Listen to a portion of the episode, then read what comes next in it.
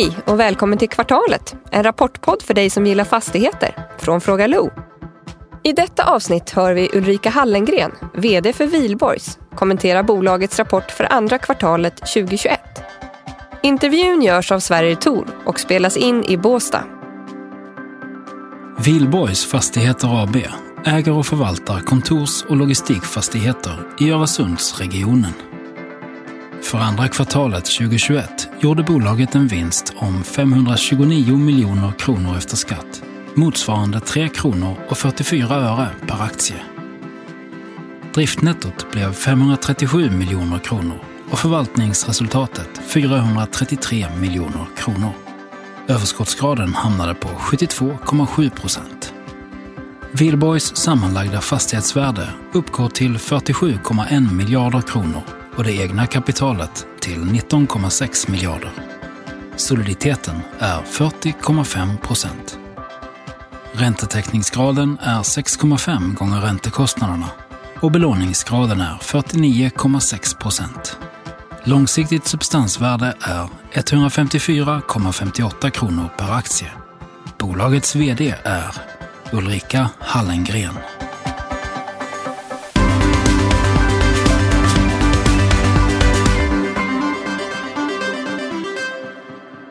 Hej Ulrika! Hej Sverrir! Hur är läget? Det är bra. Mm.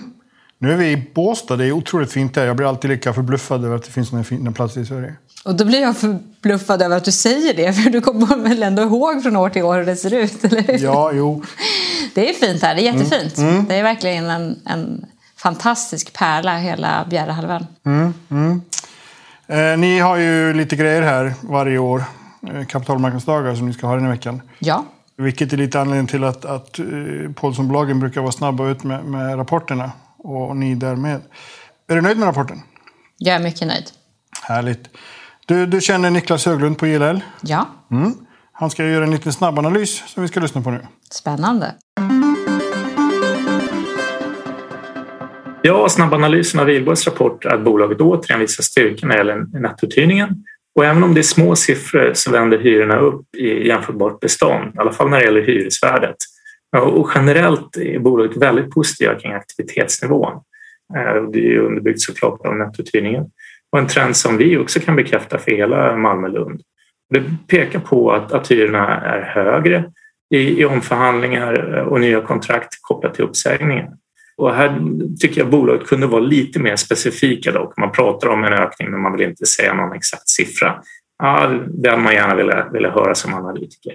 Vakanserna håller i sig på en relativt hög nivå för Wihlborgs och även om bolaget är optimistiskt att den här 9-procentiga vakansen ska minska gradvis eh, så låter det som att det tar in i 2022 innan det kan komma ner lite substantiellt.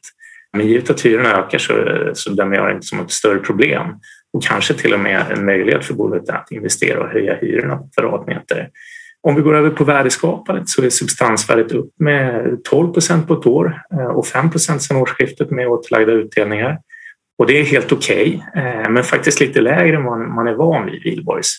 Och första halvåret har bolaget eh, stärkt sin balansräkning så man har en, en lägre finansiell hävstång än tidigare. Ehm, men så är det också rätt låga omvärderingar av beståndet i det här kvartalet så att huvuddelen av vad ska man säga, värdeskapandet första halvåret är drivet av kassaflöde eh, om man jämför med konkurrenterna. Och där kan jag bara betona att Wihlborgs är lite mer försiktiga eller har historiskt sett varit mer försiktiga i början på året och gör bara interna värderingar. Och analytiker och marknaden ser helt klart igenom det här och aktien handlas då till 35 procents premie kopplat till substansvärdering. Så jag skulle säga att marknaden förväntar sig lite bättre drag under galoscherna här under andra halvåret, vilket vi historiskt sett har sett i Ilborgs. Och, och, framåt så är det två viktiga värdedrivare som är bra att hålla koll på. Det första är projekt. Bolaget har historiskt sett varit framgångsrikt och stärkt kvaliteten i beståndet fått en väldigt bra avkastning på sina projekt och här låter det som att det kan komma mer projekt i både Malmö, Lund och Helsingborg redan i slutet av det här året och in i nästa. Man har en del projekt på gång kan man säga. Och det är ju någonting som skulle kunna stärka omvärderingspotentialen och kassaflödet ytterligare. Och det andra är förvärv. Här är bolaget en investeringskapacitet på över 3 miljarder och en stark finansiell position efter försäljningen förra året. Förvärv i den här lågräntemiljön stärker ju kassaflödesmultiplarna ytterligare och brukar faktiskt ge stöd till aktien då relativt få analytiker lägger in den här potentialen förrän den materialiseras. Så det har ju potential att underbygga momentum. Det har varit en lite tung transaktionsmarknad nere i Malmö-Lund men det finns en positiv bild kring hyresmarknaden och fortsatt låga räntor och väldigt stark portfölj i ryggen så finns det ju klart förutsättningar för, för marknadsledaren i Öresundsområdet, Wihlborgs, att ta några ytterligare kliv framåt. Och sammanfattningsvis får Sverige helt enkelt se till att Ulrika pekar med hela handen när det gäller hyror, projekt och förvärv, viktiga värdedrivare för aktien. Eh, Niklas eh, nämner ju några saker som, som jag också reagerade på. Eh, jag ska en, börja med att du brukar ju alltid leverera såna här nya rekord och i år blir det, eller nu blir det ju faktiskt lite lägre. Jag ska inte säga sämre för då vet jag att du inte blir nöjd med mig. Men lägre siffror på intäkter, driftnetto och förvaltningsresultat. Men jag antar att det har med försäljningen till Blackstone eller Milo att göra. 1,4 miljarder. Absolut. Det är klart att vi har inte samma äpplen i den här korgen att jämföra med som i fjol. När vi sålde 21 fastigheter i höstas så är det klart att det påverkar när vi, när vi mäter mot fjolåret. Mm. Men vi har haft en bra utveckling i beståndet i övrigt med hänsyn tagen till de tider som har varit. Självklart så är resultatet också påverkat av vi hade en ovanligt hård vinter, kallare, högre driftskostnader mycket snöröjning och annat. Mm. Men eh, vi har också lite valutaskillnader, Sverige-Danmark, som har jag tror 18 miljoner på det här halvåret. Lite lägre service och parkeringsintäkter, för det har varit lägre aktiviteter i fastigheterna. Så att det är klart att man behöver liksom sortera ut de sakerna för att förstå hur själva grunden ser ut. Och den är, är fortsatt stabil och god. Och mm. Bra utveckling i den. Mm. Du svarade faktiskt på nästa fråga, vilket var fastighets kostnaderna stiger, men det är driftskostnader på grund av vintern. Absolut. Det har varit eh, rätt mycket pengar faktiskt i eh, ja, framförallt första kvartalet men också en bit in i andra kvartalet eh, så har det påverkat. Men jag ska också säga att just det här med lägre service och parkeringsintäkter det är ju verkligen direkt kopplat till, till pandemin och lägre aktivitet i både lokaler och i stadsmiljön. Mm, mm. Det var ju faktiskt snö en hel vecka i Skåne. Ja, ja. Det händer inte ofta. Nej, det händer inte ofta. Men framförallt tror jag i Helsingborg var det den kallaste vintern på över tio år. Mm, mm. Men du, det, det är ju mycket fokus på aktivitet i ditt vd-ord. Eh, du, du pratar om att det är väldigt mycket aktivitet nu. Eh, känner du att eh, pandemin och dess effekter är bakom oss nu? Kanske framförallt effekterna på jag satt ju på tåget här upp till, till Båstad. Jag var uppe i Stockholm förra veckan. Alltså, folk har ju börjat bete sig som om de inte var någon pandemi längre. Mm. Alltså, det är klart att pandemin är ju inte över. Men den här lite, vad ska man säga, förlamande perioden när det blir en oro och osäkerhet och man inte vet hur framtiden kommer, kommer se ut. Den perioden har vi kanske bakom oss i det att nu vet företagen mer om vad som händer i framtiden. Ja, vi kommer jobba delvis på ett annorlunda sätt. Vi har fått en flora av nya verktyg att, som vi kan använda oss av. Um, vi har kanske lite andra behov än vad man hade tidigare. Man längtar mer efter att mötas och då behöver man kanske konfektionera sig lite utifrån det. Men det, den här aktiviteten tror jag är grundat i mycket den här längtan att äntligen få fatta beslut om, om framtiden igen. Mm. Uh, och det är ju också väldigt glädjande att, att vi har kunnat möta de behoven väldigt bra. Mm. Danmark har ju öppnat upp uh, helt, eller i stort sett. Eh, för det var ju rätt mycket, de stängde ner mycket brutalare än vad man gjorde här i Sverige.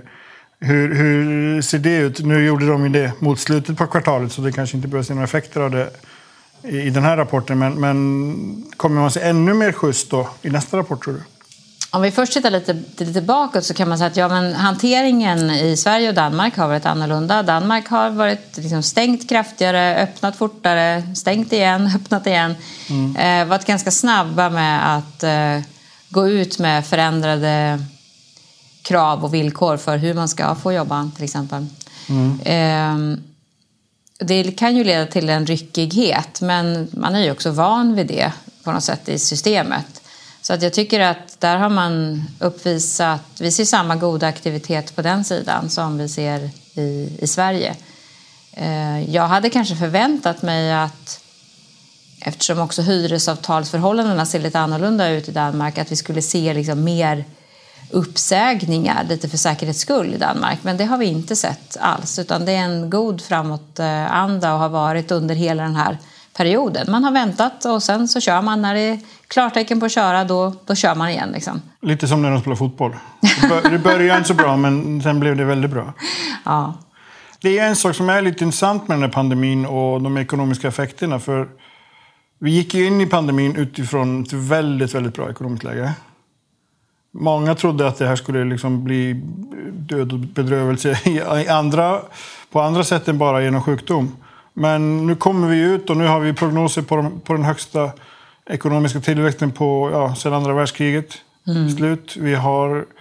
Alltså, det känns ju som att det här var verkligen ett hack i kurvan. Lite tack egentligen. Eller väldigt så här eh, Brant ner, brant upp. Ja, ja det, det kan man verkligen säga. Men jag tror ändå att vi kommer ha lärdomar med oss från den här, den här tiden. Mm. Låt oss ändå hoppas att de saker som vi kan lära oss av den här tiden och dra nytta av, att vi, att vi också kommer ihåg dem. Om hur vi fattar beslut, hur vi agerar när det blir oroliga tider, hur vi hanterar våra organisationer och eh, hur vi, hur vi förberedda vi är. För det är klart att det kommer komma fler kriser av olika slag. Så det är inte så att bara för att nu är allting fine igen så det känns lite tryggare att träffas så, så kan vi göra precis som vi alltid har gjort. Utan vi behöver hela tiden lära oss av, av det vi går igenom.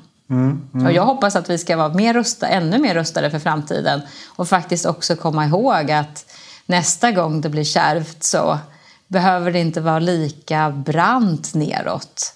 Eh, för det skapar ju en onödig oro. Man får faktiskt vara lite ja, lite balanserad när man, när man också tittar på oroliga tider, tycker jag. Mm, mm. Hur ser läget ut på, på, om man går lite mer på detaljnivå i, i era marknad? Ni har ju, du nämner ju det, ni har ju nettouthyrning som är den starkaste som är rapporterad typ hittills i, i, under kvartalet. Ni har, eh, det är väl det högsta ni har haft under ett kvartal? Nej, alltså vi har haft en väldigt hög nyuthyrning, nyuthyrning. Eh, 86 miljoner. Den är inte rekord, men den är bland toppnoteringarna. Okay. Det är den absolut. Eh, och visst, hade något avtal signats eh, några dagar tidigare, då hade det kunnat vara ett rekord. Men å andra sidan så har vi också en god aktivitet framåt. Så att det, inte, det känns inte som att det här var något unikt för, för Q2, att, att det var väldigt starkt. Utan jag ser en god möjlighet också framåt att vi ska kunna fortsätta göra bra uthyrningar. Mm. Men det är framförallt inom kontor, eller är det jämnt fördelat? Ja, det är både och. Är det. det är nog inom andra segment, skulle jag vilja påstå. Eh, och också fördelat i alla våra städer. Även om Lund kanske sticker ut eh, lite åt det positiva hållet. Vad är det som händer där? Som är... Vi ser generellt sett en, en hög aktivitet i Lund men också intressant att fler och fler frågar efter större lokaler. Och det som har varit symptomatiskt för Lund under lång tid har ju varit väldigt, ganska många små enheter och ganska stor rotation. I en innovationshubb helt enkelt? Ja, det är en innovationshubb. Men nu, sen köpte vi då nya vattentornen för ett antal år sedan i, för att kunna komplettera portföljen och kunna erbjuda också större, effektivare våningsplan till större hyresgäster. Och nu börjar vi verkligen se en efterfrågan på de här större ytorna. Och det är riktigt glädjande, för det är den här tiden som vi har, har väntat på. Mm, mm. Och nu känns det som att det är now is the time. Vår tid är nu, eller vad heter det? serien?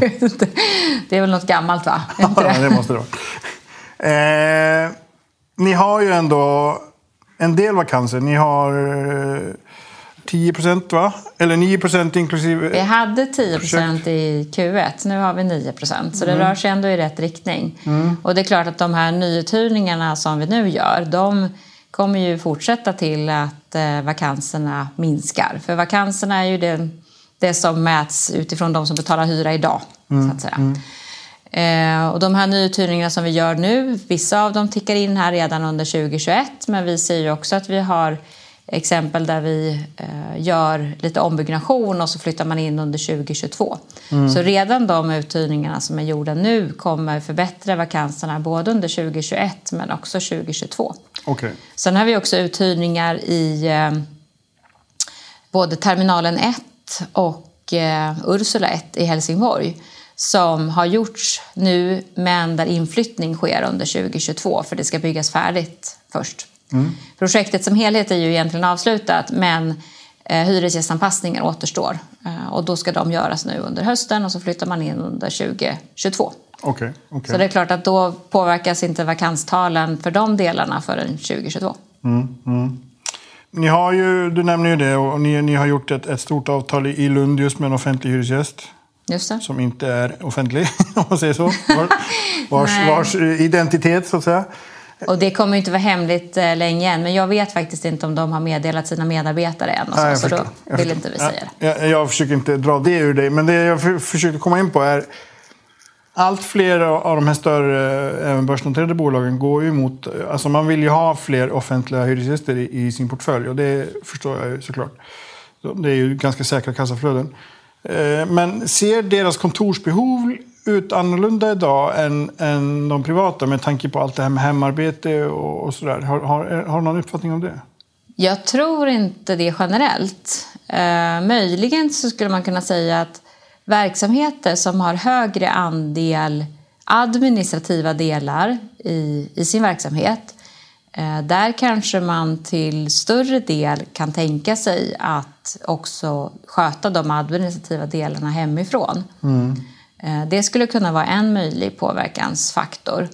Det kan också hända att medarbetare som nu förväntar sig flexibilitet ställer högre krav helt enkelt om du har den typen av arbetsuppgifter. Att du vill sitta ostört. För det kan ju vara positiva effekter av att, av att kunna sitta hemma om du kan sitta ostört och ha en bra miljö där. Mm, mm. Men det är ju också så att vi ser flera som vill bygga fler ostörda miljöer på sitt kontor.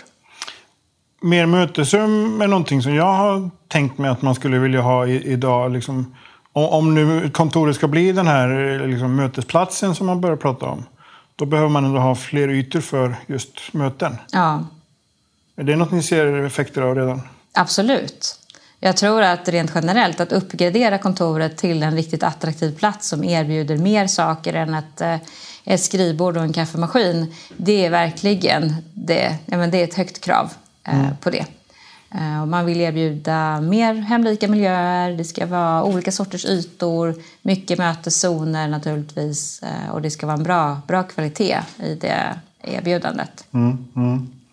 Eh, en sak som eh, ju, har ju alltid varit ert, ert kännemärke, det är ju projekten. Dockan framförallt, fantastiskt fint. Ja. Ni har, har kommit igång rejält i Hyllie. Ja. Eh, ni har gjort en del, håller på vid, vid, på Ideon. Det är nästan går inte att köra igenom. Det är typ en byggarbetsplats idag. Hur ser det ut där? Alltså, hur, hur mycket har ni i pipe och hur mycket kommer ni att liksom hålla takten? Jag tycker vi har både fattat flera investeringsbeslut nu som gör att vi fortsätter ha ett bra tempo. Men sen gäller det också att se till att hela tiden fylla på portföljen med, med fler projektmöjligheter. Mm. Och där har vi eh, en, en bra uppfyllnad får jag säga.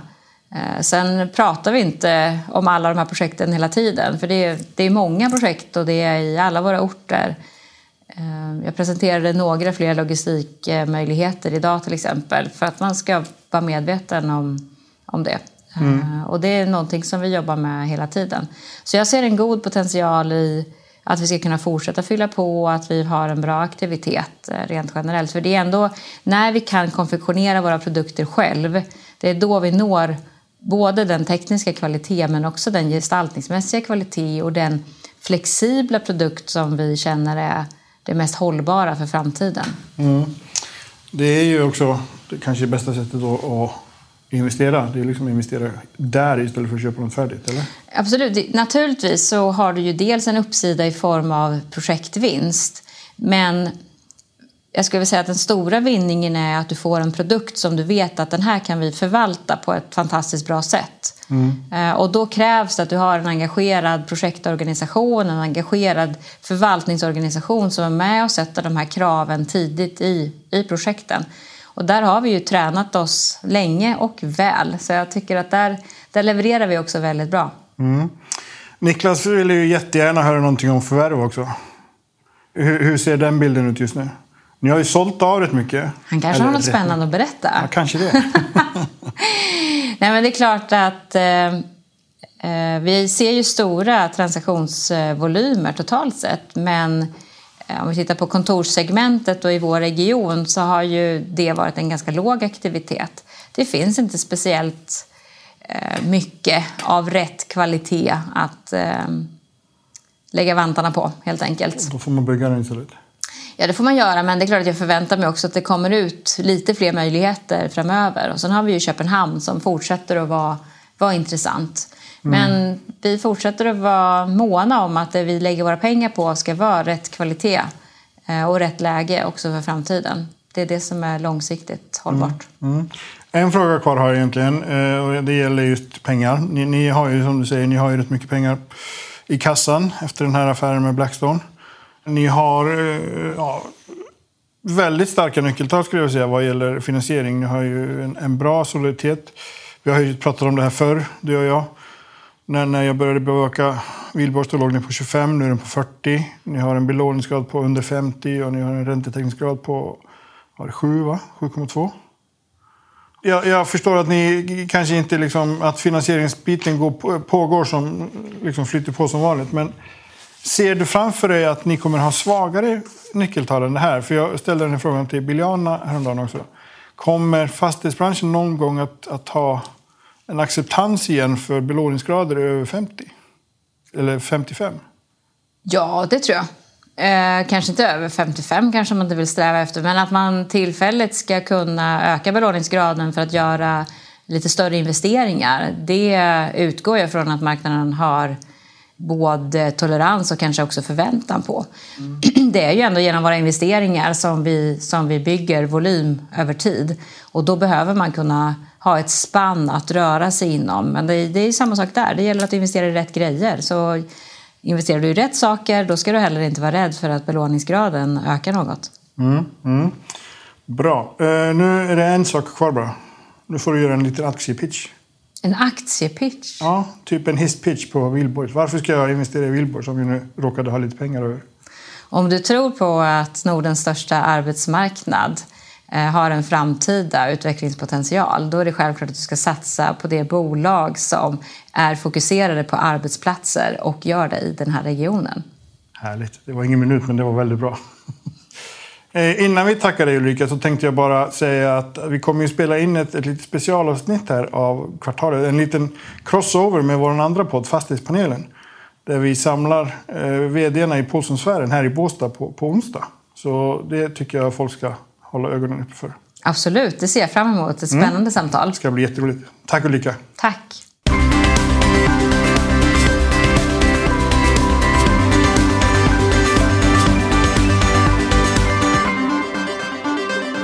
Det här programmet görs på Beppo. Beppo.